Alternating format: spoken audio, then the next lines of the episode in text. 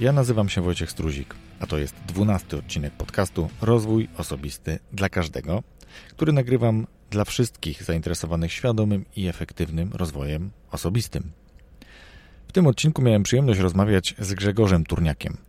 Grzegorz jest ekspertem networkingu. Networkingu, czyli takiej sztuki nawiązywania relacji, relacji biznesowej, poznawania ludzi w celu kiedyś nawiązania współpracy. Taka jest chyba główna intencja tego, o czym za chwilę będziecie mogli posłuchać. Ale co jest ciekawe i dla mnie osobiście bardzo ważne, Grzegorz zgodził się wesprzeć akcję, która ruszyła właśnie wczoraj, bo 21 marca akcja, która nazywa się Wiosenne Przebudzenie i polega na tym, że osoby, które już słuchają podcastów, wrzucają na swoich fanpage'ach na Facebooku, na Instagramie, na Twitterze, gdziekolwiek w social mediach, wrzucają zdjęcie podczas słuchania podcastów. Czyli biegam, spaceruję, spaceruję z psem, robię sobie zdjęcie, że słucham właśnie podcastów, wrzucam w social media i opisuję, jakiego podcastu słuchałem i co jest ważne, a jest wyznacznikiem tej akcji, czy znakiem rozpoznawczym, to dodaję do tego posta dwa hasztagi. Jeden hashtag wiosenne przebudzenie, drugi hashtag słucham podcastów, ale bez polskich znaków, czyli słucham podcastów pisane razem. Wszystkim, którzy zdecydują się przyłączyć do tej akcji, serdecznie już w swoim imieniu dziękuję. W związku z tą akcją dostępna jest także nakładka na zdjęcie profilowe na Facebooku, więc jeśli ktoś jest zainteresowany, to zachęcam również do tego, aby znalazł taką nakładkę i umieścił na swoim zdjęciu profilowym jako przyłączenie się do tej akcji, wzięcie w niej udziału. Dobrze, to tyle tytułem wstępu. Dziękuję Grzegorzu za to, że zgodziłeś się i liczę na to, że mm, faktycznie zobaczymy w sieci Twoje zdjęcia podczas słuchania podcastów. Ale teraz chciałbym Was już zaprosić do wysłuchania naszej rozmowy, a rozmawialiśmy właśnie o networkingu, o tym, jaka jest zasada, jak dobrze się do tego przygotować, jakie korzyści z tego płyną. Trochę mówiliśmy też o wizytówkach, no ale nie będę zdradzał całej naszej rozmowy. Po prostu zapraszam Was do jej wysłuchania. Wszystkiego dobrego.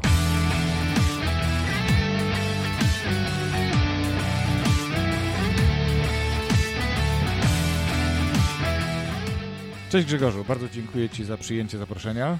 Bardzo się cieszę. Dzień dobry, witam wszystkich słuchaczy. To, to przyjęcie zaproszenia było w trybie ekspresowym, bo ja do siebie napisałem bodajże przedwczoraj i się tak. okazało, że z biegiem okoliczności, no dobrze, to zbieg okoliczności, Pozytywny. ale to było planowane, tak. że ty tak. będziesz dzisiaj we Wrocławiu, ja też będę dzisiaj we Wrocławiu i spotykamy się właśnie we Wrocławiu po to, żeby porozmawiać chwilę, podzielić się wiedzą. No i dobrze, no i żeby nie przedłużać, powiedz nam Grzegorzu parę słów o sobie. Ja jestem pierwszy primo technikiem nuklonikiem. Miałem być technikiem na elektrowni w Żarnowcu atomowej. Na elektrowni nie zbudowali, jak sierota z tą wiedzą zostałem. Później jak już zrobiłem to techniką, no to co było? No trzeba było pójść na Politechnikę, no bo wszyscy się na Politechnikę, poszedłem na Politechnikę, na elektronikę. Skończyłem te 5,5 roku, trwało, przeczołgałem się strasznie. No a potem no jak już człowiek skończył tą Politechnikę, to, to poszedł do fabryki, bo tak za, było za PRL-u. I za PRL-u było tak, że pełnomocnik mówił pan Turniak, Polon, konstruktorska 7. I nie było żadnego gadania, bezrobocie, bezrobocie, robota się szło. Obowiązek pracy, obowiązek 6, nauki. Od 7 rano do 15, w przerwie było mleko, bo to był zakład taki, gdzie był jądrowy, więc myśmy mleko dostawali. Nie mówię, jaja karbozy, także bardzo fajne doświadczenie. Także pracowałem w takiej fabryce 400 osób na, na biurze projektów, a bardzo fajna produkcja była takich sterowników mikroprocesorowych, czy ja się śmieję, że jak weźmiemy taki nasz smartfon, to pół centymetra kwadratowego tego smartfonu cała fabryka produkowała wtedy przez miesiąc. To były, to były takie czasy. No, a potem co, no, jak się zakończył, y, a, y, ponieważ ja byłem człowiekiem dosyć ruchliwym, więc nie wiem, ile mamy czasu na to. Jesteś, jesteś. Ile czasu mamy na to? Mamy na to dużo czasu, chcę. spokojnie. To jest tak, że no, poszedłem do wojska, bo wtedy młodzież męska szła na rok do wojska. W wojsku dowódca mówi, no jak zrobisz sterownik do czyszczalni ścieków, to dostaniesz dwa dni wolnego. No to ja pierniczę dla inżyniera wezwanie. Pojechałem do sklepu, żeby kupić transformator. Pytam pani, proszę panią, a niech pani sprzeda transformator, który daje 5 V napięcia. A pani mówi, jak to za perol, a jaki typ? Ja przypomniał, nie wiem, no chcę, żeby... Jak pan nie wie, to ja też nie wiem. Nie ma pani katalogu? Miałam, ale ukradli. No to wiesz, pojechałem do biblioteki, do gdzieś tam do jednej, pojechałem do Zatry, do Skierniewic, no i na maszynie z żoną wieczorami wydrukowałem katalog transformatorów, bo pomyślałem tak, że ja mam taki problem, to pewnie inni też mają taki problem. No i wydrukowałem na w Warszawie były dwa punkty ksero, dwa punkty ksero w całej Warszawie. No i tam trzeba jeszcze dowód osobisty pokazać, spisywali cię, jak co robiłeś.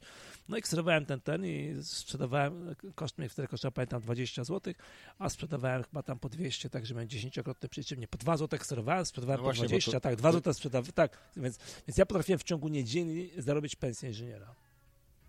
Noc na giełdzie, potem jeszcze w Katowicach na Szabele Placu, jeszcze we Wrocławiu, tu w hali ludowej, gdzie teraz w Wrocławiu dzisiaj jestem, więc na, na Remarku Dominikańskim handlowałem na krawężnika, więc byłem rzeczywiście tak Pełna moc możliwości. Pełna moc. Wtedy takie były za PRL, to były lata 80. No a potem za co? Zacząłem handlować komputerami Atari, Commodore Spectrum, książkami do tych komputerów. No jak się zakończyła komuna, prowadziłem szkołę biznesu z London Business School, z taką francuską szkołą biznesu HSE. No i ta szkoła później została po trzech latach przyjęta przez Politechnikę Warszawską. Dzisiaj jestem MBA na Politechnice Warszawskiej, cały czas tam z nimi utrzymuję świetne relacje. Natomiast mm, jak już tam się to y, gdzieś tam rozeszło po kościach z różnych powodów, no to zacząłem prowadzić taką austriacką firmę Neumann, gdzie robiliśmy HR-owskie różne projekty, później w SAP, czyli duży producent oprogramowania, też tam sprzedawałem SAP-owskie rzeczy HR-owskie, no a potem, a potem chwycił mnie Job Pilot i tak przez 5 lat Job Pilot Monster, czyli ogłoszenie o pracę.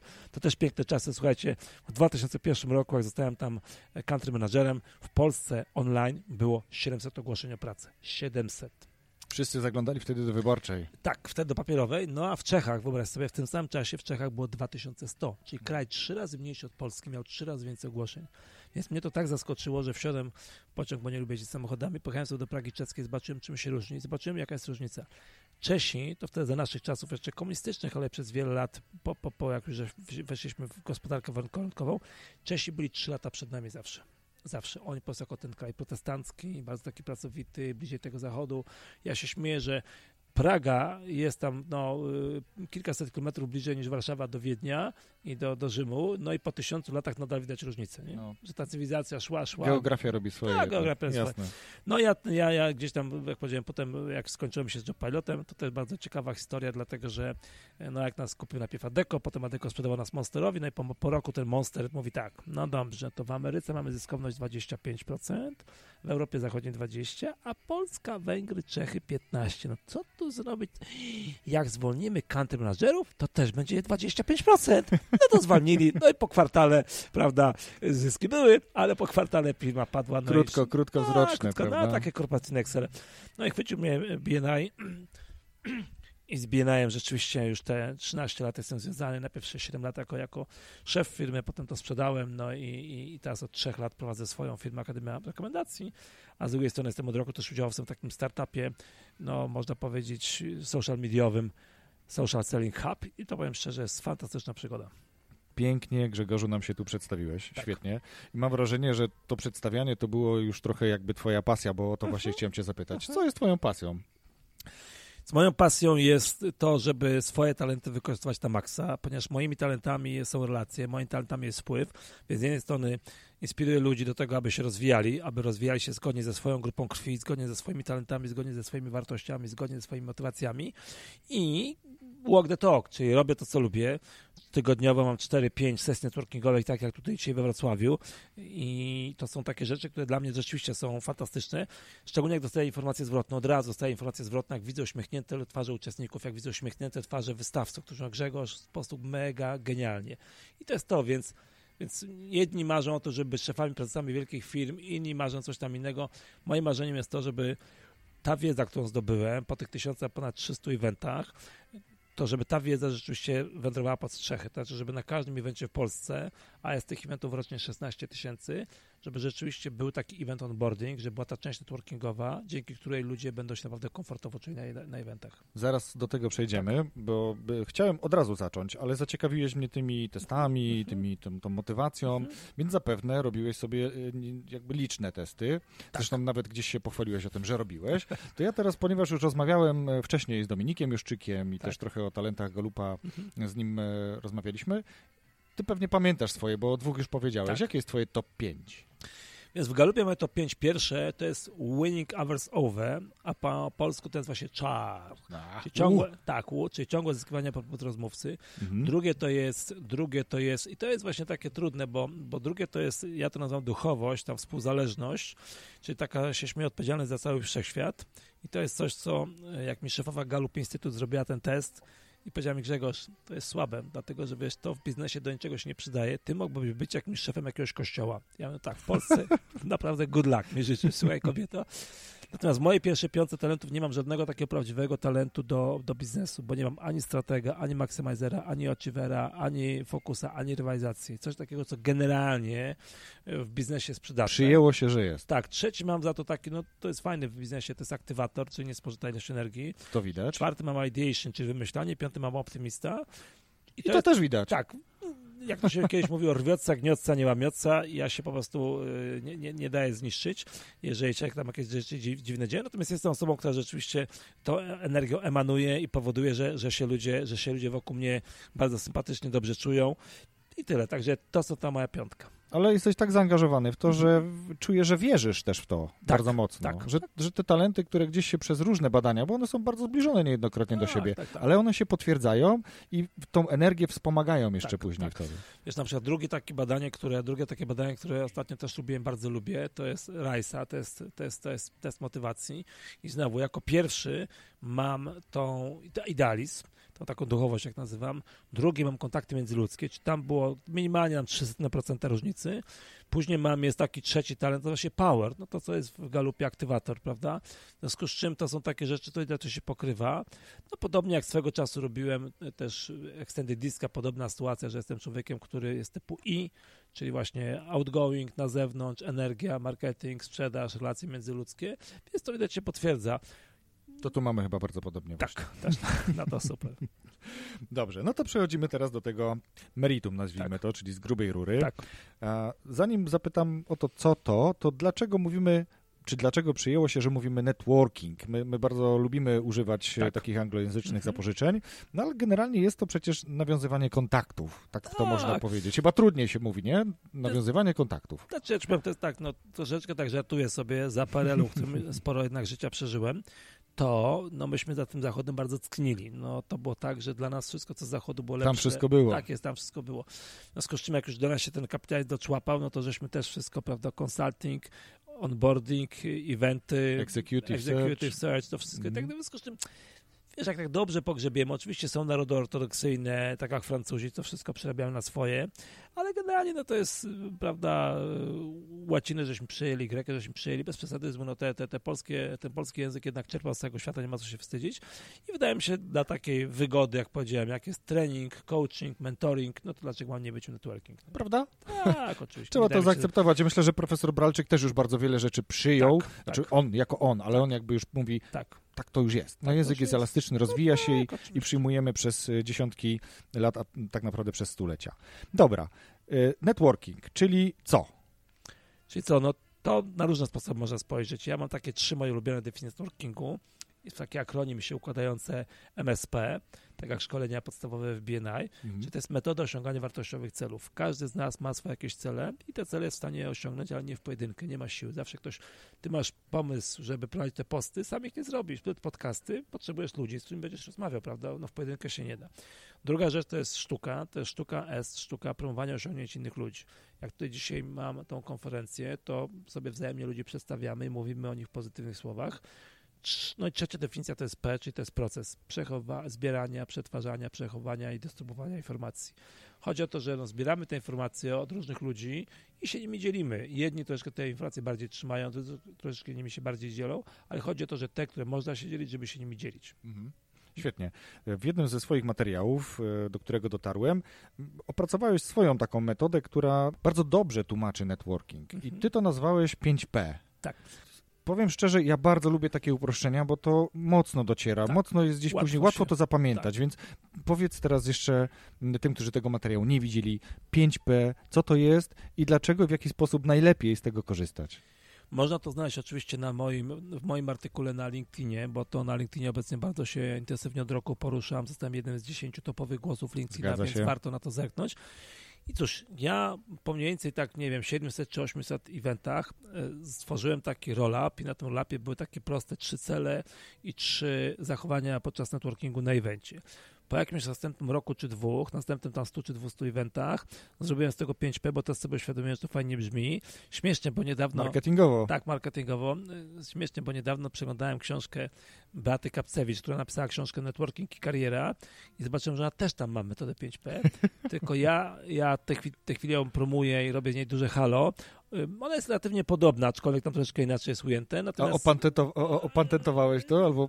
Nie, wiesz co, my nie jesteśmy Amerykanami, ja chyba tak to nie tak, najlepiej tak, możliwe. natychmiast jest tak, natomiast, natomiast idea jest taka, że zobaczyłem, że żeby w tej domenie, w tej dziedzinie, w której ja jestem ekspertem, czyli w nawiązywaniu relacji na eventach, żeby być skutecznym, to trzeba przejść przez takich, ten, ten proces nawiązywania, budowania relacji składa się z pięciu kroków. Pierwszy zaczyna się przed eventem, czy zanim pójdę na event, trzeba się przygotować. Po pierwsze, co to jest za event, jak się ubrać, w jakim miejscu, w jakich godzinach, kto tam będzie. No dzisiaj moi klienci, z którymi tutaj pracowałem i robiłem dla nich za konsjerża, oni dostali listę uczestników od, od, organizatora, zobaczyli, porozdzielali sobie, z kim chcą się spotkać, no i na tym evencie konkretnie do tych ludzi chcieli podejść, z tymi ludźmi porozmawiali, te relacje nawiązali, czy planują. Z drugiej strony jest tak, że dobrze, spotkałem tych klientów, których chciałem spotkać, być może paru z nich nie spotkałem, ale z innymi ludźmi też warto pogadać. Dlaczego? Dlatego, że traktujemy ich jako sparring partnerów, w pozytywnym tego słowa znaczeniu. Czyli ćwiczę tą tężyznę networkingową, ćwiczę te swoje umiejętności, czy przełamywanie lodów, czy pogaduszki, pogawędki, czy przedstawianie innych. Czyli nawet jeżeli nie mam celu wprost sprzedażowego, że chcę tych konkretnych kilku ludzi spotkać, to celem może być ćwiczenie samej sztuki networkingowej. Też jest fajną rzeczą, że jeżeli idę na jakieś wydarzenie, to żeby na przykład poinformować znajomych, że na to wydarzenie idę. I to jest coś, co część ludzi nie widzi. Na przykład teraz rozmawiałem z kimś, kto chce dotrzeć do absolwentów MBA, no pokazałem mu trzy miejsca, gdzie ci absolwenci się spotykają, wysłałem mu informacje i pewnie w przyszłym tygodniu na dwóch takich wydarzeniach z nim się spotkam. Czyli idea jest tego typu, żeby traktować te swoje zasoby, które się ma, też się nimi dzielić. Czyli pierwsze P to trzeba się przygotować. W ramach przygotowania również to jest kwestia, żeby, na, żeby pamiętać o tym, że na wydarzenie trzeba przyjść zawsze wcześniej. Szczególnie jak jest się introwertykiem, te 15 minut wcześniej. Natomiast jak się jest organizatorem, to warto tą część networkingową wydłużyć nawet do godziny. Niektórzy nawet do półtorej robią, bo część ludzi lubi, ma ochotę.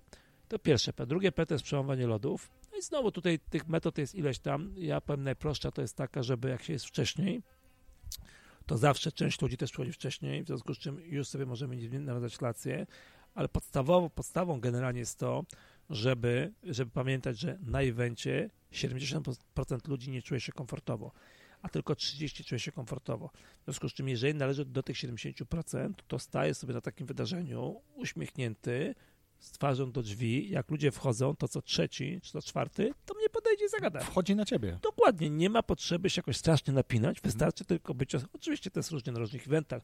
Dzisiaj tutaj był event dla, dla inżynierów, dyrektorów produkcji, ci ludzie są ciut bardziej introwertyczni, mniej tacy wylewni i tak dalej. Niemniej jednak, mówię, zawsze te 20-30% ludzi się na nas sama natknie, z nami zagada, więc nie ma co się, wystarczy tylko mieć głowę otwartą.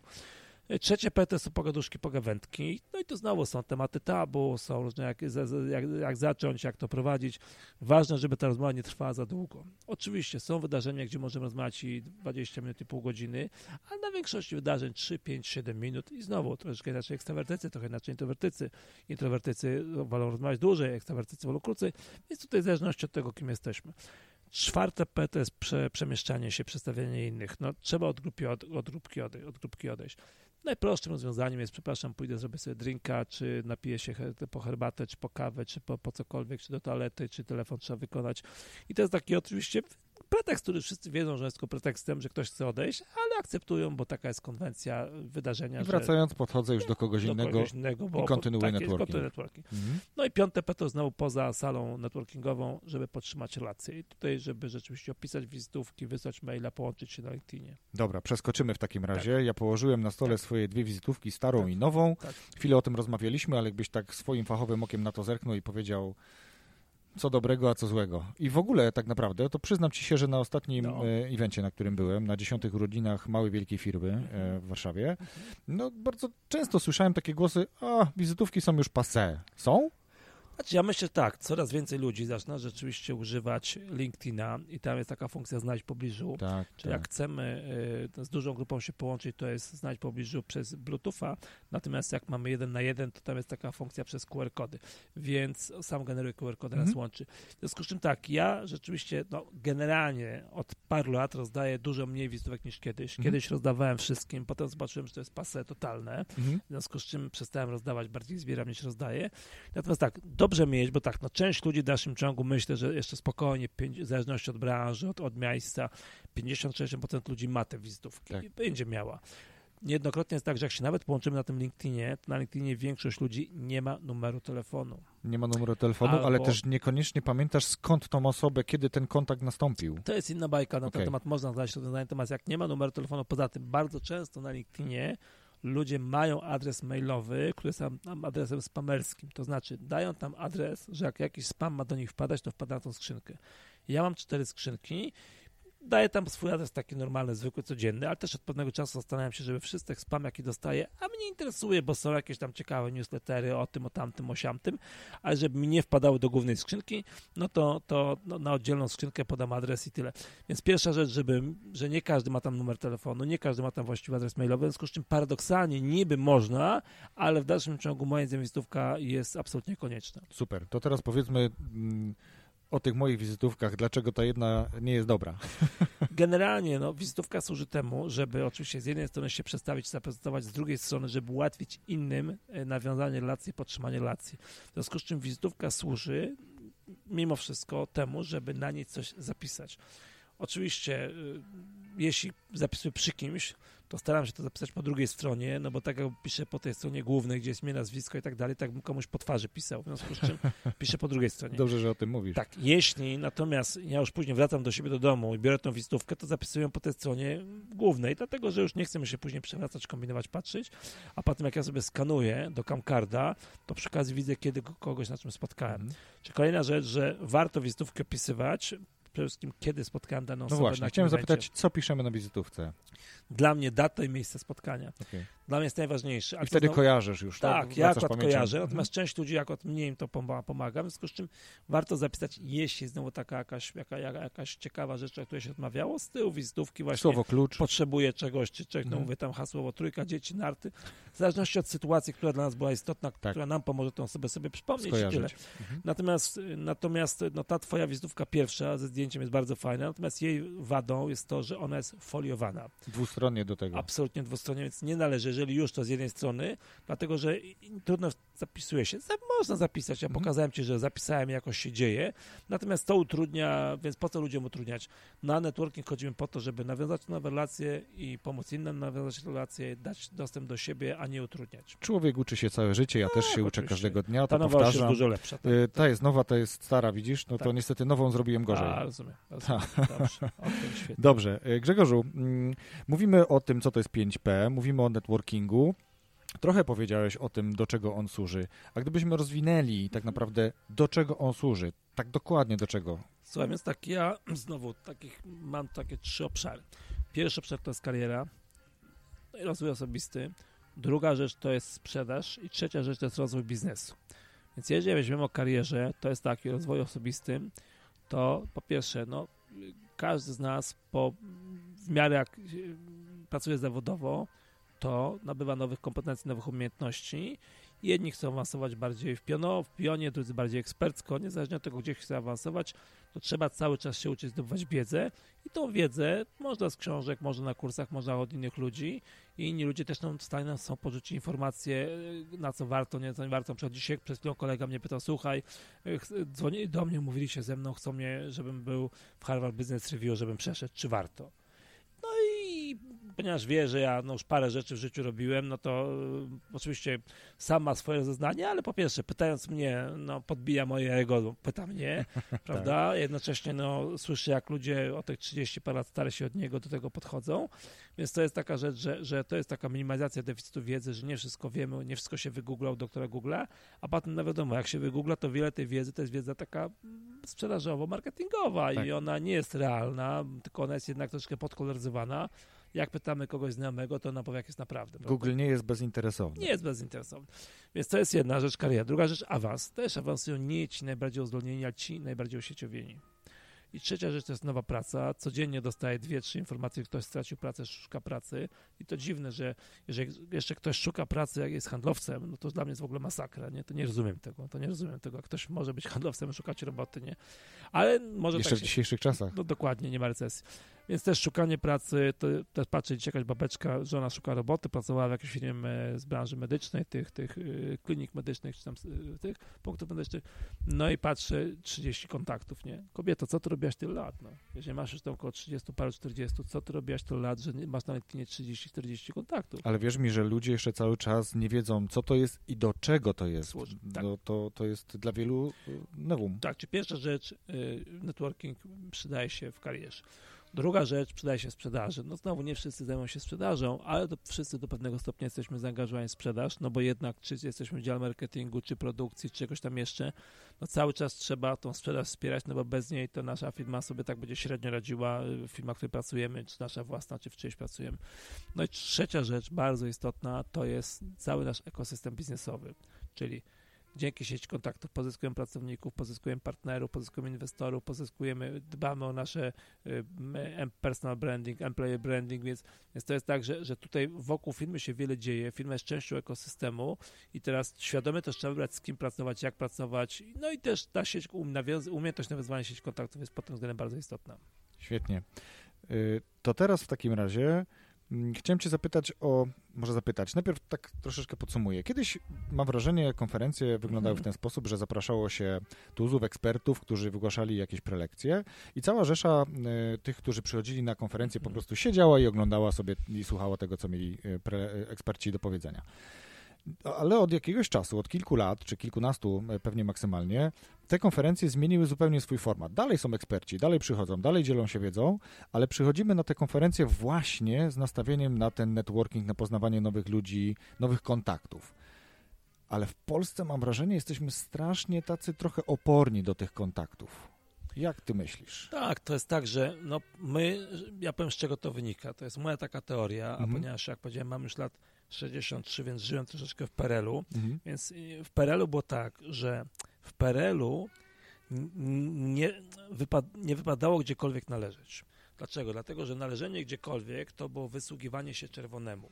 W związku z czym komunistom, w związku z czym ludzie generalnie nigdzie nie należeli. Należeli tylko w takich miejscach, gdzie no już automobil klub, y, żeglarskie, y, wioślarskie, no, łowieckie, mhm. Y, koła gospodyń wiejskich, koła te strażackie, no po prostu takie, co już po prostu bez tego się nie da żyć, po prostu, bo nie, PTTK, Towarzystwo Turystyki, no ci, którzy turystykę, harcerstwo, więc tych organizacji było, można powiedzieć, żartobliwie na palcach jednej ręki policzyć. Poza tym, no, w Polsce mamy jednak monokulturę religijną jak ja jestem w Stanach, to tam w Stanach tych kościołów jest multum. Każdy kościół, przed każdym kościołem stoi griter i wita nowych ludzi, bo chce, żeby u niego wrzucili na tacę, a nie do sąsiedniego kościoła. I to jest rzecz, która e, tam jest normalna. U nas jest monokultura, w związku z czym nikt nie walczy o to, żebyś ty tam do tego kościoła poszedł, bo nie masz wyboru, prawda? W związku z czym, tak w cudzysłowie oczywiście, jest pewnym przymierzeniem oka. Czyli tak, jedna rzecz to, że nie było tych organizacji, dwa, że ta monokultura i to spowodowało, że no mija to 30 lat i w dalszym ciągu jeszcze, jak się kapitalizm w Polsce osadził, że w dalszym ciągu jeszcze nie jest to takie oczywiste. Znowu, jest to mało oczywiste i mało dla osób bardziej dojrzałych w moim wieku, te 40+, plus. dla osób młodych, no one chodzą na te clubbingi i sobie rzeczywiście świetnie radzą, więc mnie się wydaje, że tak nie, nie generalizujmy. Są branże, gdzie to już działa bardzo, bardzo fajnie, są organizacje, które te networki naprawdę dbają i, i naprawdę już to wprowadziły, więc to się zmienia. Ja 90 tam chyba 7 czy 8 roku wymyśliłem zasadę Pareto konferencji. Czyli jeśli jesteś świeży w branży albo jesteś introwertykiem, to na konferencję idziesz głównie po wiedzę jawną, czyli tą ze sceny. Po paru latach, jak już w tej branży jesteś i znasz już większość rzeczy, bo 3-4 lata wystarczy, żeby być w miarę tam ekspertem, to już nie idziesz po wiedzę jawną ze sceny, tylko idziesz po kontakty. Ale ponieważ Polacy nie potrafią nazywać korelacji, no to przestają chodzić na konferencję, że mówię, że konferencje są coraz gorsze. Nie są coraz gorsze. Ja ostatnio na LinkedInie tak oglądałem, mam takich trzech moich ulubionych haterów. Czyli tak, na LinkedInie generalnie jest niewiele. Dobrze mieć hejterów, Tak, tak, a w sensie może tak nie tyle, że oni są moi, tylko widzę, że oni są, Ogólnie, ich tak, obserwuję, tak, bo normalnie na Facebooku tego jest multum, natomiast na LinkedInie jest na razie wśród moich o 19 tysięcy i tych masetek wiadomości, które wysyłam, jest tylko trzech, których obserwuję. Właśnie dzisiaj jeden z nich skomentował post, który rano zamieściłem.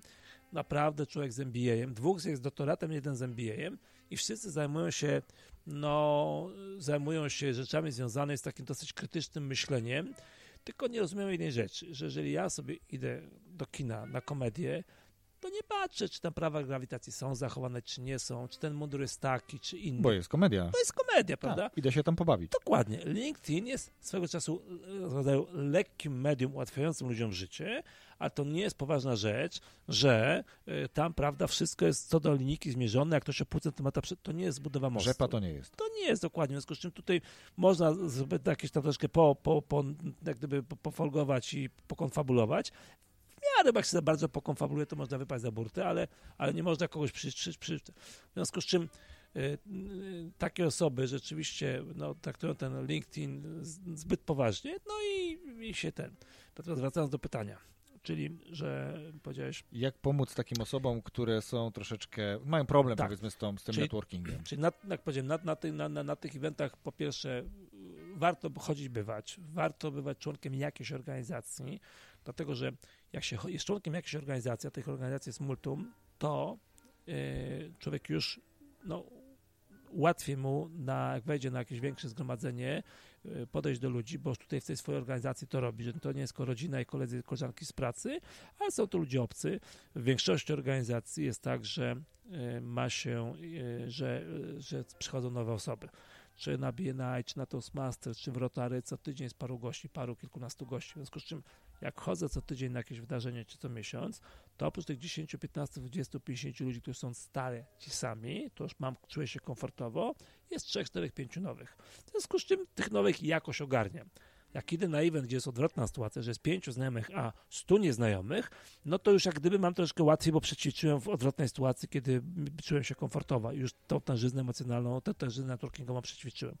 Czyli pierwsza podstawowa rzecz to być członkiem jakiejś organizacji, a druga rzecz chodzić na eventy, bo jak mówią, no jeśli się ćwiczenie czyni mistrza.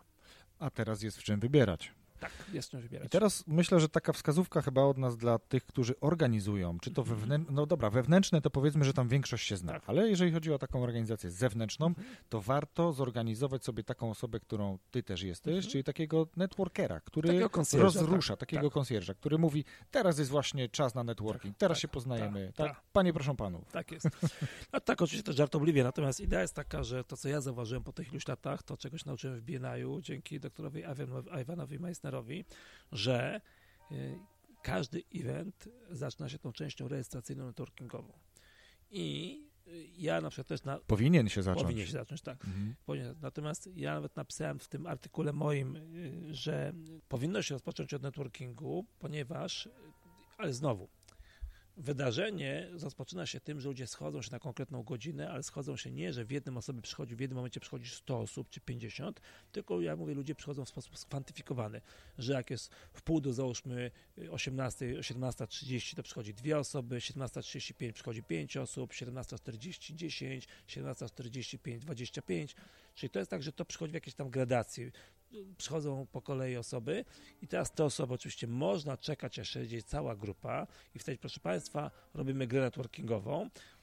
Ja jestem raczej temu przeciwny. Ja uważam, że warto zadbać o ludzi z chwilą, tak jak się pojawiają Mhm.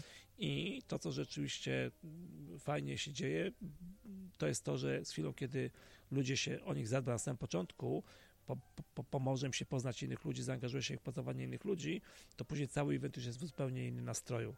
Im To- już jest też łatwiej. Im nie? jest łatwiej, Mhm. dlatego, że ludzie nie lubią się narzucać, wolą być przedstawieni. Kiedy Tak. ja tą rolę biorę na siebie, no to wtedy oni rzeczywiście dużo łatwiej, dużo łatwiej, bardziej z tego eventu korzystają.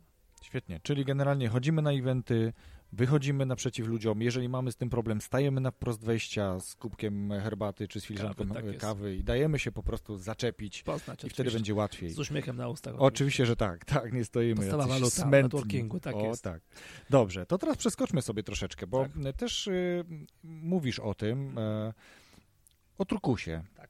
O takim e, popularnym teraz modelu zarządzania, o takim e, dzieleniu się odpowiedzialnością, dzieleniu się Mhm. e, tym, w jaki sposób e, zarządzanie przebiega w przedsiębiorstwie, czy w grupach, czy w działach. Mhm. Mm, Jak tobie pomaga to, e, ten turkus? Czy, czy pomaga ci w ogóle? Jak, jak się do tego by się odniósł? Wiesz co, ja jestem osobą, która no, jest absolutnie e, bardzo koncyliacyjna i bardzo mało wymagająca. No, ja sobie żartuję nawet, że u mnie w domu to żona wymaga od dzieci, nie ja. Jest taki stereotyp, że to mężczyzna wymaga od dzieci, a, a mamusia chroni, a u mnie było odwrotnie. Ja po prostu nie potrafiłem wymagać ani w pracy, ani w domu. W związku z czym ja jestem do pewnego stopnia na turku skazany, dlatego że ja nie jestem w stanie ludzi opierniczać, nie jestem w stanie ich tam na różne sposoby motywować i tam gonić do roboty kija i marchewkę, po prostu to nie jest totalnie moje. Ja uważam, że jeżeli ja robię jakieś rzeczy, bo mnie to kręci, to tak samo uważam, że ludzie powinni robić, bo ich kręci, tylko mają tylko mniej doświadczenia, mają mniej kompetencji, czy jakieś tam mniejsze te, natomiast mogą w tym swoim obszarze robić świetne rzeczy. W związku z czym ja się śmieję, że już pierwsze turkusowe organizacje próbowałem robić w końcu lat 80. Wtedy mi to nie wyszło. Gdzie, gdzie to jeszcze nikt nie wiedział, co Tak, to jest tak, turkus. tak. Natomiast teraz jest tak, że no, obydwie firmy, czy moja Akademia Rekomendacji, gdzie mam e, wspólniczkę Agatę i tam dwoje współpracowników, teraz troje z pracowników, po prostu traktujemy się jak partnerzy, jak przyjaciele i tyle. Tam to, że ktoś jest właścicielem biznesu, to, to, tam to jest nieistotne. Podobnie jest w naszej Social Selling Hub, gdzie tam razem właśnie z Pawłem Ronikowskim, z Piotrem Kamińskim ćwiczymy, z tym, że tamten turkus jest troszeczkę inny. Mianowicie no, on jest w tej warstwie, można powiedzieć, pewnej, pewnej filozofii, takiej szacunku do człowieka i tego, żeby, żeby, żeby, żeby się fajnie komunikować. Natomiast troszeczkę to samo zarządzanie, y, no nie daje mi się tak zupełnie uwieść temu wszystkiemu, co się mówi. Jednak prawda jest taka, że przedsiębiorca ma minimalnie jednak inną postawę, minimalnie ma inną motywację niż zwykły pracownik. I nie da się tak, że jak ktoś jest, no to się pewnie zmieni w ciągu tam 20, 30, 40 lat, ale jak ktoś nie jest właścicielem, no nie wszyscy ludzie mają mentalność właściciela, część ludzi woli pracować od 8 do 16 i nie podejmować za dużo decyzji. Tak, nie A jednak- angażować się. Tak, a jednak Mhm. turkus wymaga e, troszeczkę większego zaangażowania, ale przede wszystkim właśnie tego, że podejmować decyzje i brać na siebie ten ownership, e, właśnie, być właścicielem danej, danej czynności, danego projektu, a część ludzi nie chce, po prostu nie chce, bo ma mniejsze zasoby energii, bo ma jakieś swoje problemy, jakieś obawy, jakieś lęki i tak dalej. Czyli to jest y, dla wielu, ale niekoniecznie dla każdego. Tak. Niektórzy też y, lubią mieć powiedziane jasno, zrób to, Tak, tak? Nie muszą sami sobie podejmować jakichś wyzwań, szukać tej pracy, tak. tylko wolą być kierowani. tak. Okej, ale każdy gdzieś się w tym potrafi odnaleźć. Ty się odnalazłeś i Tak tobie jest. to pasuje. Super. Mhm. Dobrze, to porozmawiajmy jeszcze o czymś, co takiemu profesjonalnemu net, networki, network, Workerowi. networkerowi, Tak. właśnie, networkerowi jest bardzo pomocne, wręcz Aha. niezbędne, czyli ta umiejętność przemawiania, Tak. umiejętność wystąpień, Mhm. ale jesteś też założycielem, współzałożycielem, yy, Ale ja- ale jaki No. wielki, No. wielki komar. No. Jesteś współzałożycielem e, Stowarzyszenia Profesjonalnych Mówców, dobrze Mhm. powiedziałem? Tak, tak. Dobra. Z jakiej inicjatywy, dla kogo, po co to powstało? Ja jestem człowiekiem, tak jak powiedziałem, rzeczywiście networkingowym, społecznościowym. Mam to w genach, mam to w talentach, wartościach. I kiedy rozstałem się z job pilotem i zostałem szefem, yy, właściwie wszedłem w stronę BNI, to w grudniu 2006 roku zebrałem przyjaciół, Roberta Krola, Darka Miciarka, Marka Skałę i żeśmy założyli stowarzyszenie. Wtedy to jeszcze się nazywało Stowarzyszenie Profesjonalnych Mówców w Polsce. Potem żeśmy to w Polsce można powiedzieć, odjęli, zostaliśmy jako Stowarzyszenie Profesjonalnych Mówców, a w ogóle inspiracja była taka, czytałem książkę chyba mm, jakąś jedną, czy jakąś, jakąś amerykańską książkę, już nie pamiętam tytułu w tej chwili i tam był taki przykład, że jakiś facet należał do Stowarzyszenia Amerykańskiego Mówców i że oni co roku w wakacje robią sobie taki reunion, reunion robią sobie taki zjazd tych mówców. No i one rzeczywiście ich tam było ze 4 tysiące. Bardzo mnie to wtedy zainspirowało. W wakacje wtedy, jak Darek Miczarek przyjechała, jakaś tam partnerka jego biznesowa, pamiętam ze świata i, też była członkinią tego Stowarzyszenia Mówców. Więc powiedziałem, dlaczego tego nie założyć w Polsce. No jak powiem, od wakacji do grudnia, tam gdzieś mi to kiełkowało. W grudniu, pamiętam 1 grudnia, żeśmy zorganizowali spotkanie w hotelu Holiday Inn w Warszawie na ulicy Złotej. No i gdzieś tam po dwóch miesiącach zostało formalnie stowarzyszenie zarejestrowane. Natomiast stowarzyszeniu bardzo ciekawie było, bo żeśmy oczywiście świadomie w pewnym sensie ta organizacja tak kiełkowała powoli. To był taki rzeczywiście klub wzajemnej adoracji e, Turniaka i Krola i Darka Mliczarka i Skały. Natomiast po paru latach zaczęły rzeczywiście dołączać nowe osoby, część odchodziła, część przychodziła. Naprawdę, żeśmy cały czas dbali o to, żeby było więcej kobiet. Bardzo ciężko jest. O to świetnie. Część osób To się mi, chwali. Mi, mi ciągle, Grzegorz, dlaczego tak mało pań? I znowu kiedyś Beata Kapcewicz, już wspomniana dzisiaj, powiedziała taką rzecz, że pytała o to na zachodzie też mówczynie. I okazuje się, że jednak facetom jest być łatwiej, bo po pierwsze, no nie mają obciążenia dziećmi, aż takiego jak kobieta zazwyczaj w naszej typowej roli ma. Zgadza się. Po drugie, jednak ciągłe podróżowanie na walizkach, nie każdy aż tak to potrafi. Znowu, my mężczyźni, tam jedna koszula, jeden skarpy będzie poleciało.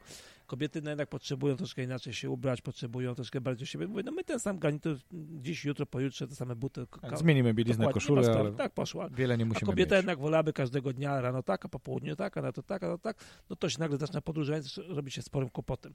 Czyli e, tych kobiet w dalszym ciągu jest mało, mimo że pracujemy nad tym. I tak mniej więcej, to było chyba 2011 rok, mieliśmy spotkanie w takiej restauracji Teatru Bufo w Warszawie, obok Teatru Bufo. No i Jacek Walkiewicz tak mówi, słuchajcie, no wiecie co, mam taki problem. Mam taki problem, że jak mnie wzywają panie z kadr, żebym przed nim powiedział, co mam, co ja powiem na wykładzie, no to ja się czuję niekomfortowo. No siedzą dwie panie w biurze, ja mam im mówić, co ja powiem na tym wykładzie, kiedy no, no, no w ogóle nie ma żadnej chemii, nie ma żadnego jakiegoś flow, no, no, no. Ja mówię, słuchaj, ty, to może zróbmy taką konferencję, gdzie te, zaprosimy te miłe panie z HR-ów i z innych, te, które zamawiają takich mówców, niech nas zobaczą, nie, zróbmy taki casting, zróbmy taki, mam talent po prostu dla mówców, nie? No i fajnie, no i ja powiem, słuchajcie, jedyny termin, kiedy my nie jesteśmy obciążeni robotą, to są wakacje. Iśmy zrobili to w lipcu, tam, tam któregoś lipca. Pierwsze dwa lata było to robione, potem żeśmy przenieśli na jesień, teraz żeśmy przenieśli to na marzec, ale idea jest taka, że po pierwsze, zbiera się środowisko przyjaciół w tej chwili, płacimy sobie co roku tą 1000 zł składkę po to, żeby być w gronie ludzi podobnych do siebie. W Stanach jest tak, że tam jest wymaganiem, że trzeba rocznie dać mów za 30 tysięcy dolarów, że to, że to jak w korporacji, to tam są jakieś wymagania. My na to jeszcze na razie podchodzimy tak zupełnie lajtowo. Po prostu członkowie rekomendują następnych członków. Jak to się zgłasza, to patrzymy, kto go z członków może zarekomendować, ale generalnie nie zapraszamy, mówiąc tak, że juniorów, ludzi, którzy dopiero chcą wejść na Z ulicy, ścieżkę. mhm. Tak, To może nie tyle, że z ulicy może być, tylko że to nie juniorzy, którzy dopiero chcą wejść, Mhm. ci Ale już jakieś osiągi mają. Niech Mhm. idą sobie do Toastmasters, natomiast to są tacy ludzie, którzy rzeczywiście od paru lat przemawiają, albo są na tyle e, szefami dużych firm czy średnich firm, że no, on ma już doświadczenie biznesowe i nawet jeżeli relatywnie dużo nie przemawiał, czy nie przemawiał, to bije z niego no, te cztery dychy, tak żartuję sobie i w tym momencie no, ja mogę tej osobie zaufać, nawet jeżeli nie jest doskonałym mówcą, Ale wie już, co mówi. wie nie? co mówi, Mhm. prawda? W związku z czym to jest takie kryterium. Bardziej oczywiście dbamy o to, żeby sami ci, którzy przemawiają, ale tam mówię, mniej to jest istotne. Istotne jest to, żeby to była osoba, która już ma jakiś biznesowy track record. Okej, a co to daje tym członkom? Kiedy pytam członków, no to mówią Grzegorz, ja chcę być w gronie ludzi podobnych do mnie, chcę w kuluarach sobie z innymi porozmawiać, mimo że z jednej strony oczywiście rywalizujemy do pewnego stopnia, bo podobne zlecenia do nas Konkurencja trafiają. jest zdrowa. Tak, a z drugiej strony, ale z drugiej strony są różnego rodzaju tips and tricks, są różnego rodzaju sztuczki, są różnego rodzaju sytuacje i my cały czas się od siebie uczymy, a poza tym, jak powiedziałem, ja jestem osobą taką, jak powiedziałem, która no, lubi wokół siebie mieć pewien szum, lubi y, winning awersowe, uwagę innych ludzi i rzeczywiście przez tych ileś lat, te kilkanaście lat zebrało się tych ilość mówców, którzy po prostu cenią sobie takie bycie z nimi ludźmi, to się nazywa, to się nazywa wartość autoteliczna, sama w sobie. Chcemy być w miejscu, gdzie są ludzie, którzy też pasjonują ich przemawianie i po prostu sobie usiąść, pogadać, wypić piwo, zjeść sobie kolację, co roku na festiwal się przygotować. E, Wylos, wy, wy, wy, wręczamy teraz nagrody cycerony i hortensje i pomidory. Po prostu trochę fanu, trochę zabawy, ale też, jak powiedziałem, wsparcie takie w różnych wyzwaniach mówcy. Nagradzacie siebie, czy Nie, zewnętrzne osoby, Zewnętrzne. osoby, tak, zewnętrzne. No w zeszłym roku była Dorota Wellman, był, był Wojciech Eichelberger, no a pomidora żeśmy dali koledze Michałowi z Kalisza Wawrzyniakowi, Mhm. nie przyjął, trudno.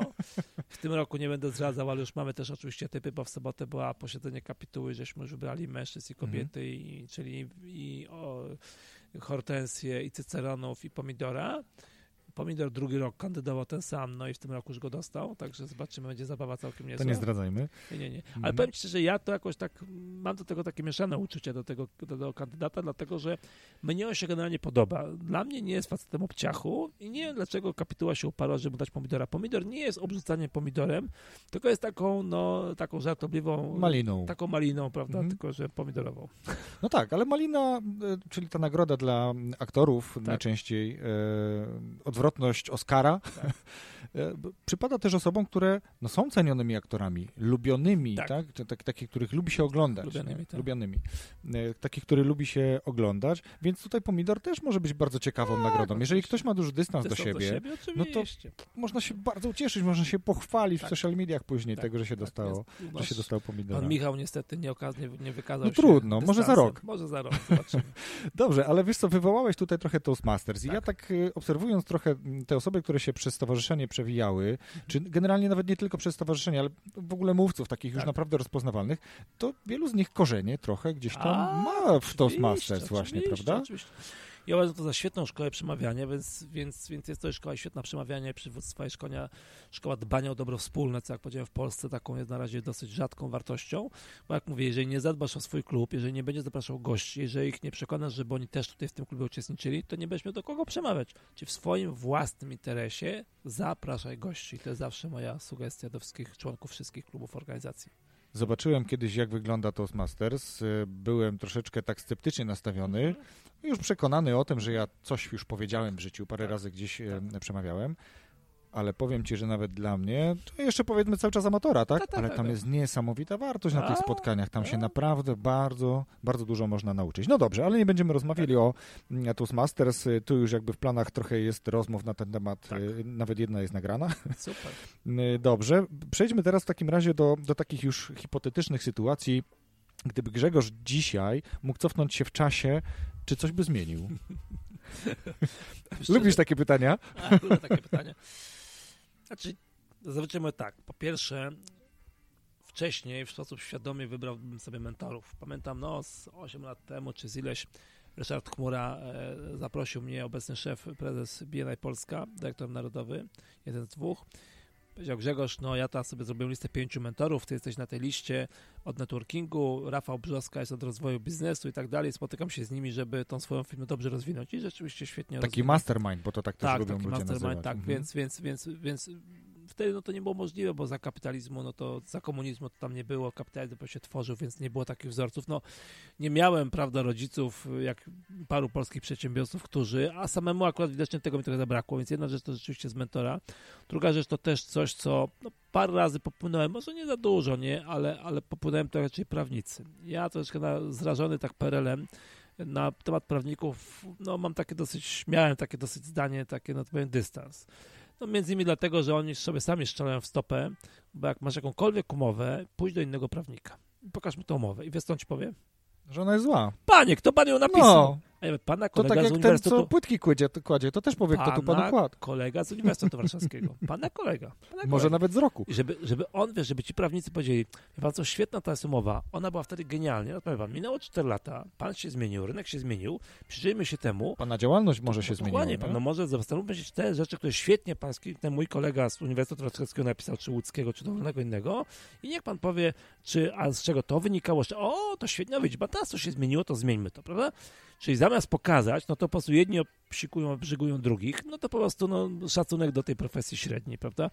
Ale uważam, że prawnicy są bardzo ważni, tylko trzeba mieć do tego, jak powiedziałem, troszkę dystansu, umieć z tego korzystać, no bo oni oczywiście wyszukują najbardziej negatywne rzeczy. Jako to osoba totalnie optymistyczna, no to mnie to zawsze jakoś męczyło, że no oni już takie rzeczy wykombinowują, które się w życiu nigdy nie zdarzają, one się zdarzają i trzeba to brać pod uwagę i no, szczególnie dla takich optymistów jak ja, to taki prawnik jest niezbędny, tylko mówię, to musi być zaufany, to musi być osoba taka, która też Z roz, polecenia. i rozumie przedsiębiorcę, że przedsiębiorca, no, żeby prowadzić biznes, cały czas podejmuje ryzyko.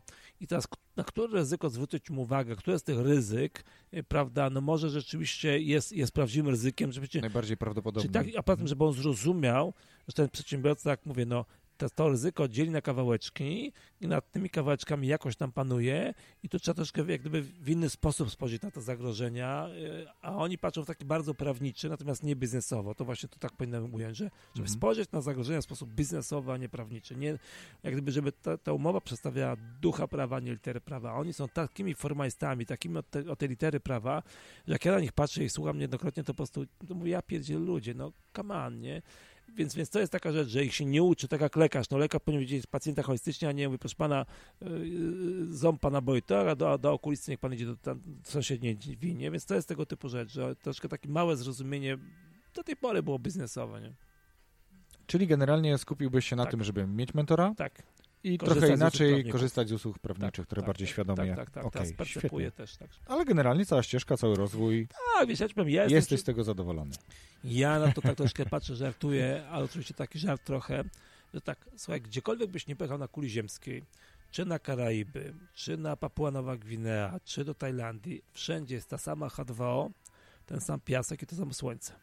Wszystko to jest kopowieść winiarza, jak to się mówi. Nie wiem, czy wiesz, że w winie 10% wartości wina to jest cena wina, ale reszta to jest za opowieść winiarza płacisz. A że to taki szczep, a to taka ta, a tu smakają ci to Na takich wzgórzach tutaj. no i, i płaci, a tam obok były pomarańcze i to przesycone, wiesz, po prostu to jest opowieść winiarza, jak ja to nazywam. I podobnie, wiesz, jest tutaj ta sama sytuacja, że to jest bardzo często taka opowieść winiarza i teraz takie, że weźmiemy nasze życie na życiorys, to tak, wiele tych rzeczy, wiesz, no, tak, pewna ilość przyjemnych rzeczy się zdarzy, pewna ilość rzeczy negatywnych się zdarzy, więc jak sumuję, że w ciągu roku zdarzyło ci, nie wiem, tysiąc rzeczy przyjemnych i tysiąc nieprzyjemnych, to często są takie czy siakie, wiesz, bo no, są takie skrajne typu, wiesz, śmierć dziecka, sieć partnera, to, to, to rzeczywiście, no, mnie na razie odstukać to nie spotkało, w związku z czym w tym sensie, no to wiesz, nagle nie byłem w stanie czemuś zapowiedzieć, bo gdyby załóżmy jakaś rzecz się zdarzyła taka, no to miałem niedawno gdzieś wokół to w otoczeniu, że komuś 23-letnie dziecko popełniło samobójstwo.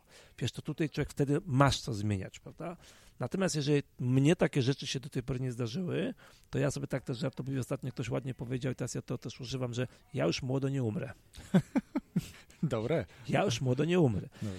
Więc, więc właściwie co tu chcieć od życia, nie? No pewnie, no znowu, co, co tu można było więcej, nie? Człowiek ma takie talenty. Żyłem to, co, jak, jak, jak, jak chciałem, nie? Nie robiłem jakichś rzeczy negatywnych, nie? Wbrew sobie. Mhm. Dokładnie, więc, więc właściwie, no, czy by mnie takie rzeczy spotkały, czy takie, czy w tej kolejności, czy w innej, to właściwie, wiesz, no, jak powiedziałem, jak z tym piaską i wodą i z tym słońcem, ono jest na całej ziemi taki samo, w związku z czym nie, nie robię z tego już doktoratu. Czyli sąsiad ma tą bardziej zieloną trawę. No to jest Eee, dokładnie to samo. Oczywiście. Świetnie. Grzegorzu, to jeszcze tak e, w, cyklu tych pytań ulubionych. Mhm.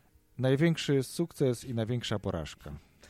Jest to największy sukces, to jest taki, że jestem już z tą samą partnerką od 1977 roku, czyli my razem się zna, 43 znamy, 14, tak, lata. 3 lata się znamy, a od 81 jesteśmy po ślubie, w związku z czym jesteśmy już tych 30 par lat razem, Pogratulować. 38 lat, tak, i to jest myślę największy sukces, bo wiesz, ciężko się dobrać, ciężko być razem, ciężko budować te relacje.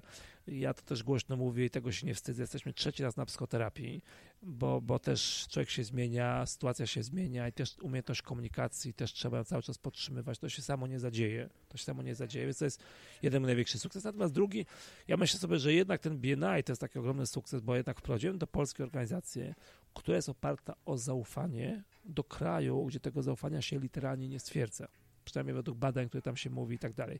W związku z czym ja zrobiłem figurę niemożliwą. Ja tą maszynę rozpędziłem przez 7 lat, potem jeszcze następne 5 lat jeszcze tam troszkę popychałem lokalnie w Warszawie i koledzy do mnie to przyjęli, świetnie to rozwijają, ale to jest dla mnie mistrzostwo świata. To jest dla mnie mistrzostwo świata, czyli w pełni wykorzystają swoje talenty, swoje motywacje, swoje wartości. No i dzięki temu no, widzę, jak, nie tylko jak Ivan Meister mówi, że BNI to jest, yy, zmieniamy sposób, w jaki świat robi biznes, a ja się przyczyni- przyczyniłem do tego, że Polacy yy, zmieniają sposób, w jaki się robi biznes, no i to jest ogromna satysfakcja. Świetny sukces. A Mhm. porażka?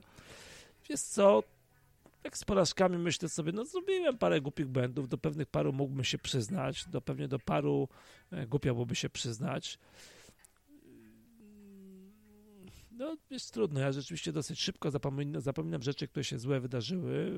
Yy, Zresztą dobre to też jak gdyby... Świetny jest. dar. Tak, tak, ja, ja, ja jestem w flow. Puścić ja w niepamięć. Tak, puszczam w niepamięć. Cieszyć się małymi sukcesami. Tak, oczywiście. W Mhm. związku z czym negatywne rzeczy, rzeczy, które wiesz, ja być może rzeczywiście, bo to jest taka rzecz, takie porażki, że ja mimo wszystko żyjąc na takim flow, minimalnie za mało inwestowałem w zarobione pieniądze. I to jest taka moja porażka, że e, mamy tam jakieś nieruchomości, coś się dzieje, natomiast nie jest takie do końca, myślę sobie, że mogłem to zrobić lepiej, nie? Znaczy, że to jest taka dla mnie porażka, że, że te pieniądze przeszły przez te palce, fajnie człowiek życie spędził, fajnie się bawił, ale tam minimalnie, minimalnie można było tym lepiej zabezpieczyć się i to jest taka rzecz, z drugiej strony, wiesz, ja, mnie jako taka rzecz przyświecała, moja mama zawsze to opowiadała, że dziadek mój był w Warszawie tramwajarzem przed wojną, zarabiał całkiem niezłe pieniądze i wszyscy ci koledzy tramwajarze budowali sobie jakieś tam małe domki. I on tego domku nie zbudował, bo on był działaczem społecznym, on był idealistą, on pomagał innym związkowcom, bo był w związkach zawodowych, wyciągać ich z więzienia i tak dalej, i tego domku nie zbudował.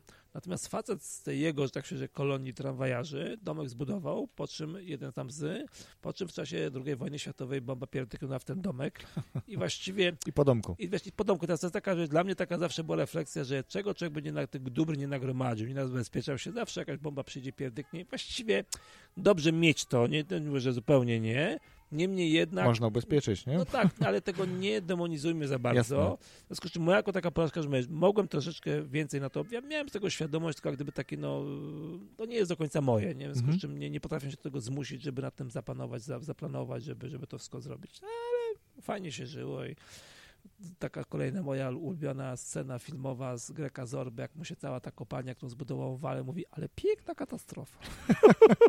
We wszystkim można znaleźć coś tak, dobrego, prawda? Szklanka zawsze może być do połowy pełna. Świetnie. Grzegorzu, tak. rozwój osobisty kojarzy się nieoderwalnie z czytaniem, tak. E, z doświadczaniem tak. nowych rzeczy. Jaką książkę albo jakie książki, jakie materiały być może poleciłbyś takim, którzy są no takimi frikami trochę tego rozwoju osobistego? No, mnie zauroczyła już ze 20 par lat temu książka Stevena Coveya Siedem nawyków skutecznego działania. Czyli Genialna książka, podstawa. właśnie ją tak, czytam. Tak, Słucham. Tak, Oczywiście, jak weźmiesz, pogrzebiesz, to starożytni Grecy już dawno to zrobili, tylko to jest ładnie opakowane, aczkolwiek niektórzy mówią, że trudne. Dla mnie to nie było trudne.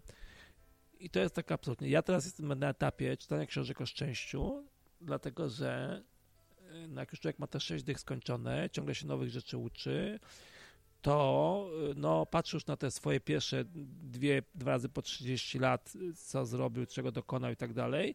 No i po mateńku człowiek zaczyna sobie jak gdyby, no już tak poleciałem to życie podsumowywać. Jeszcze co pada 30 parę lat życia przede mną, jeszcze myślę, że przynajmniej te 30 lat kariery zawodowej, bo dopiero mam za sobą 40, jeszcze 30 przede mną. Niemniej jednak, niemniej jednak, no troszkę przyglądam się temu, bo ja sam z siebie, jak powiedziałem, mam dużą frajdę z tego, co robię, a tak chcę się przyjrzeć, żeby no, sobie tak po prostu na to patrzeć, żeby to umieć troszkę zejść w głąb siebie, troszeczkę może pomedytować. Więc książka na temat szczęścia, ich jest tam ładnych kilka. Podobnie w tej chwili też czytam książkę na temat starości, zacząwszy od Cycerona Pogodnej Starości, przez tam parę innych. Znowu na tej zasadzie, że to przyjdzie, to czeka i tutaj nie ma co zamykać oczy, udawać, a potem być zaskoczonym. Zaskoczy tam te książki, to jest moje, stosownie do mojego wieku. Więc natomiast to, co, to, co ja mówię, absolutnie jak powiedziałem, Kowej to jest jedno. Na pewno książka dla tych, którzy chcą być przedsiębiorcami, to mit przedsiębiorczości.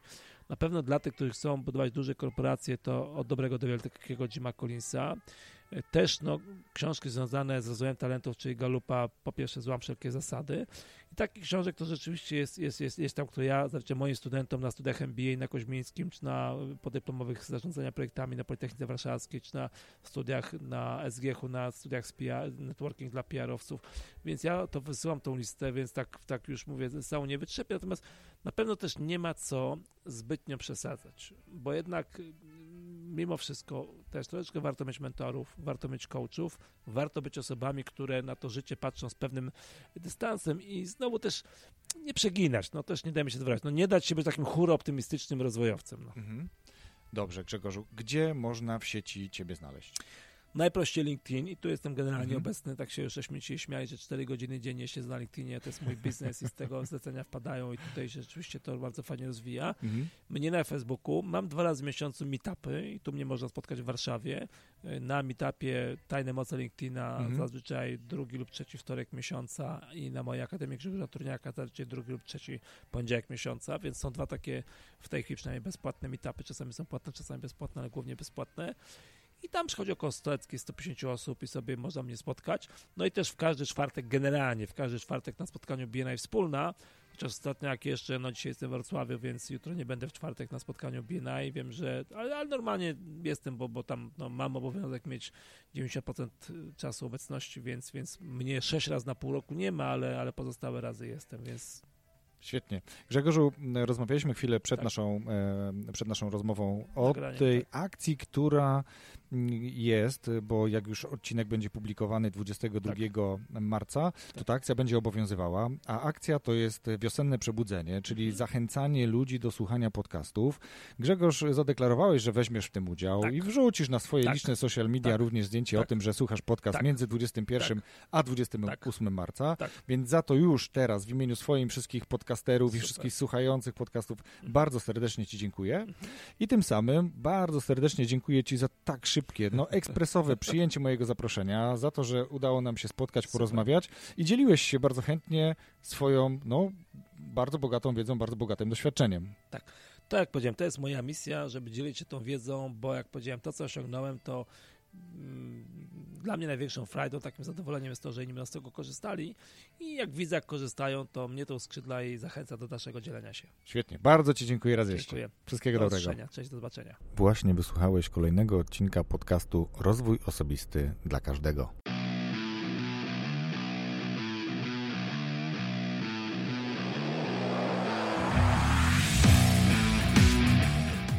Dziękuję, że wysłuchaliście naszej rozmowy.